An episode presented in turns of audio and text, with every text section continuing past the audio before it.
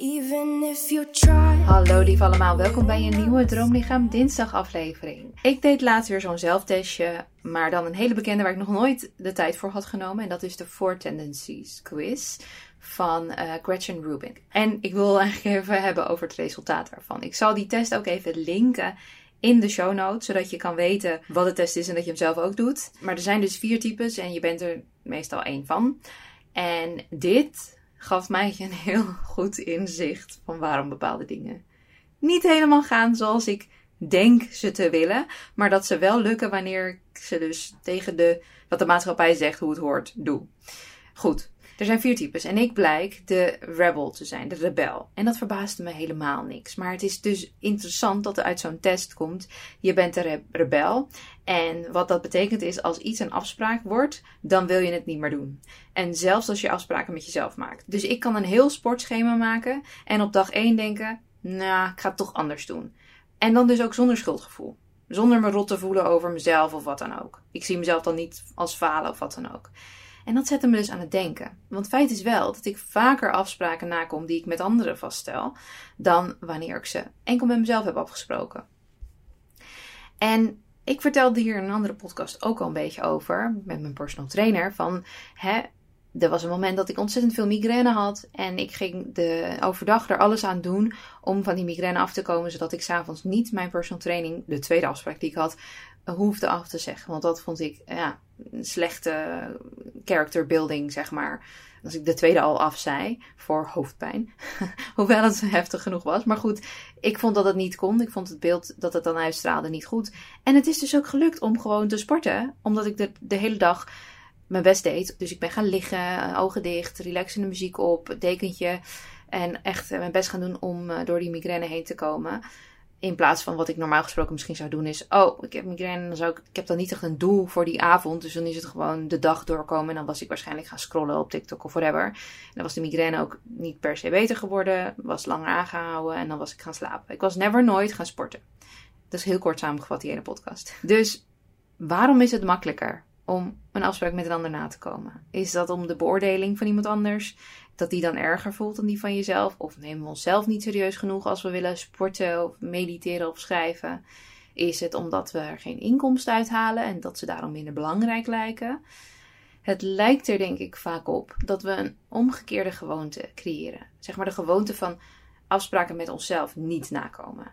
En hoe vaker je dat niet doet, hoe meer het een gewoonte is, hoe meer het bijpast bij het verhaal wat, wat je jezelf vertelt.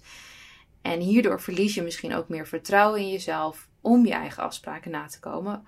Wat vervolgens weer leidt tot de overtuiging dat je blijkbaar niet zo belangrijk bent als andere mensen uh, waar je een afspraak mee maakt. Dit is dus hoe het bij veel mensen gaat. En maakt dat je dan een slecht mens? Natuurlijk niet. Ik denk dat het je een mens maakt in ieder geval. En ik herkende dit patroon dus heel erg bij mezelf. En ik ben mezelf serieuze vragen gaan stellen hierover.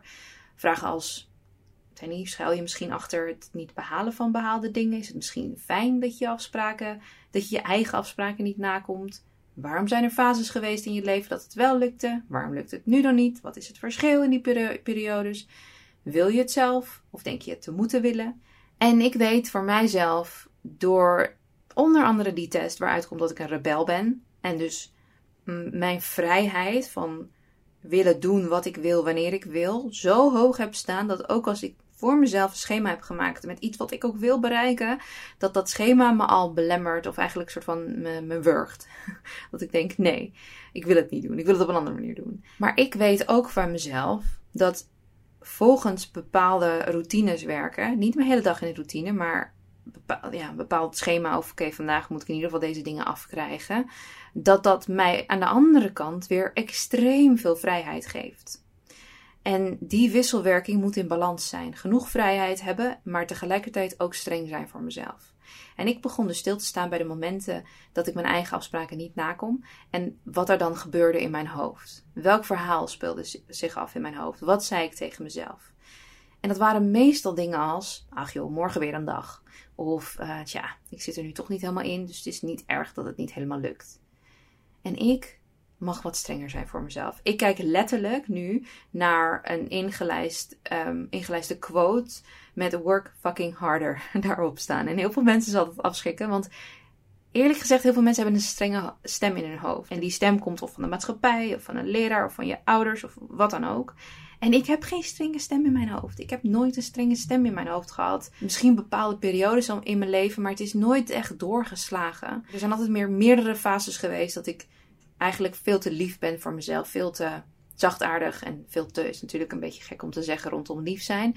Maar wel als het gaat om ik wil bepaalde dingen bereiken, dan moet je natuurlijk door de weerstand heen. Dan moet je door moeilijke periodes heen uit je comfortzone. En dan wordt het ook gewoon lastig om soms dingen te doen.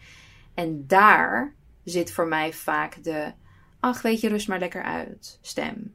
In plaats van, oké, zet misschien even door stem. dus die kan ook lief zijn, maar wel wat strenger. Dus ik heb online zitten zoeken naar lijstjes, tips, adviezen om te verzamelen voor mijn eigen bestwil. En ik kom tot de volgende tips die ik met jullie wil delen. De eerste is: vraag jezelf af of je het wel echt wilt. En als het antwoord ja is, vraag jezelf dan: weet je het zeker? En als je dan nee zegt, verwijder het compleet uit je agenda. Soms willen we dingen, wat ik net ook al zei, eigenlijk omdat we denken dat we het moeten willen. We denken misschien dat we uh, promotie moeten willen. We denken misschien dat we een relatie op dit moment moeten willen. Omdat, weet ik veel, zit je aan het kerstdiner straks en dan wordt er weer gevraagd van... En uh, waar is de partner? Wanneer heb je nou uh, vriend of vriendin? En soms gaat het gewoon te veel naar ons hoofd stijgen. En um, is het beter om echt bij jezelf af te vragen: is het echt wat je wilt? En ik geloof dat, dat, um, eerder, dat je eerder dat gevoel kunt achterhalen als je wat vaker door de natuur loopt in je eentje, in stilte bent, mediteert, dat soort dingen om, uh, om alle ruis even eruit te laten. En dat moet je soms een aantal keren doen voordat er wat helderheid komt. Dat is niet altijd na de eerste keer. Dus als je dat standaard in je agenda weet te plannen, van een wandeling of meditatie of wat dan ook, dan denk ik dat je eerder realiseert wat je wel echt wilt en wat je niet echt wilt. Goed, de tweede tip was: creëer themadagen. En zo hoef je dus niet elke dag alles te doen, maar kan een dag een thema hebben, zeg maar. En de ene dag focus je, bijvoorbeeld extra op meditatie, de andere dag meer op sport. Als je je werkdingen ook nog wilt toevoegen aan themadagen, dan kan het zijn dat je bijvoorbeeld. Nou, het is natuurlijk afhankelijk van in hoeverre je je eigen werk mag invullen. Um, ik mag natuurlijk helemaal mijn eigen werk invullen. Dus ik heb één podcastdag, ik heb één editdag, ik heb één. Nou, op die manier heb ik dus losse dagen. En waar mijn vrijheid hem dan in zit, is dat ik mag bepalen welke dag dan welke welk thema heeft, zeg maar. Dus het is niet zo dat elke maandag podcastdag is of elke woensdag podcastdag is. Ik mag op de dag zelf denken, oké, vandaag wordt het podcastdag bijvoorbeeld. En zo hou ik dus dat rebelse in mij in leven, want, anders neemt het het over als ik te, te strak ga plannen. Maar blijf ik wel streng genoeg dat ik wel moet kiezen. En misschien heb je dit ook wel vaker voorbij zien komen op mijn blog. Ik heb heel vaak een schema met een soort van 20 type workouts. En ik moet in die week 10 ervan hebben gedaan. En ik mag zelf weten per dag welke ik doe.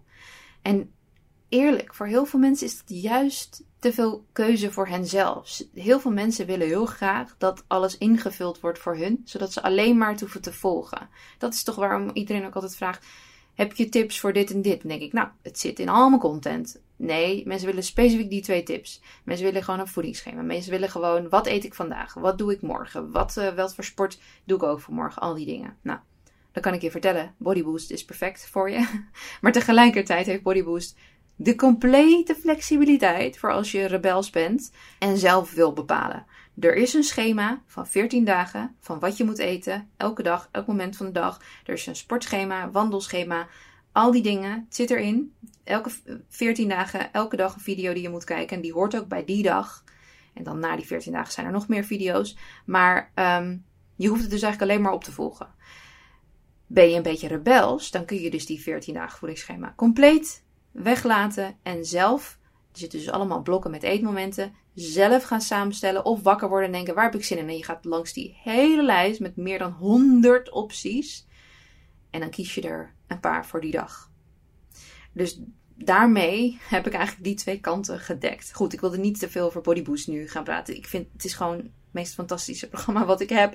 En ik zou heel graag willen dat iedereen die daar interesse in heeft, echt, echt meedoet. Want het is echt, uh, ja, Het is echt mijn levenswerk. Het is echt alles wat ik zou adviseren. Maar ik had het over themadagen. De ene dag focus op dit, de andere dag focus op dat. En na een maand kijk je even wat er blijft hangen, wat je fijn vindt, om vaker dan één dag bijvoorbeeld te integreren. En dan kan je dat op die manier constant bijstellen naar wat fijn is voor jou. In plaats van dit is hoe het moet en er is geen andere optie. De derde tip is: beschouw het als heilig. Want jij bent het waard om serieus genomen te worden, om tijd in te steken, om in te investeren en als speciaal te worden behandeld. Beschouw dus de afspraak met jezelf als iets heiligs en niet als iets luchtigs. En die afspraak, wat ik zei, hoeft niet vast te staan van het moet dan nu gedaan worden. Nee, je moet het doen, maar misschien kun je flexibel zijn. Het mag ergens in de week of ergens op de dag of ergens in de maand, maar het moet wel gedaan worden. De laatste tip is: wees nieuwsgierig, speel, ontdek en waardeer. Maak het dus niet te zwaar, forceer niet te veel. Volgens mij komt het ook wel over met hoe ik het beschreef van hè, moet het wel doen, maar je mag zelf bepalen en evalueer even na een maandje. Kijk wat goed voelt. Ga geen dingen doen die je in je hart eigenlijk niet wilt. Die je misschien doet omdat dat van je verwacht wordt of omdat je denkt dat je het moet doen. Zo voorkom je dat het te zwaar wordt of dat je jezelf te veel aan het forceren bent, wat dus niet nodig is. Goed, dit was hem voor Droomlichaam Dinsdag voor vandaag. Bedankt voor het luisteren. Ik wens jullie hele, hele, hele fijne dagen. Als je dit op de dag luistert dat het uh, is gepubliceerd vlak voor kerst. En uh, tot volgende week weer bij een nieuwe Droomlichaam Dinsdag. Doeg!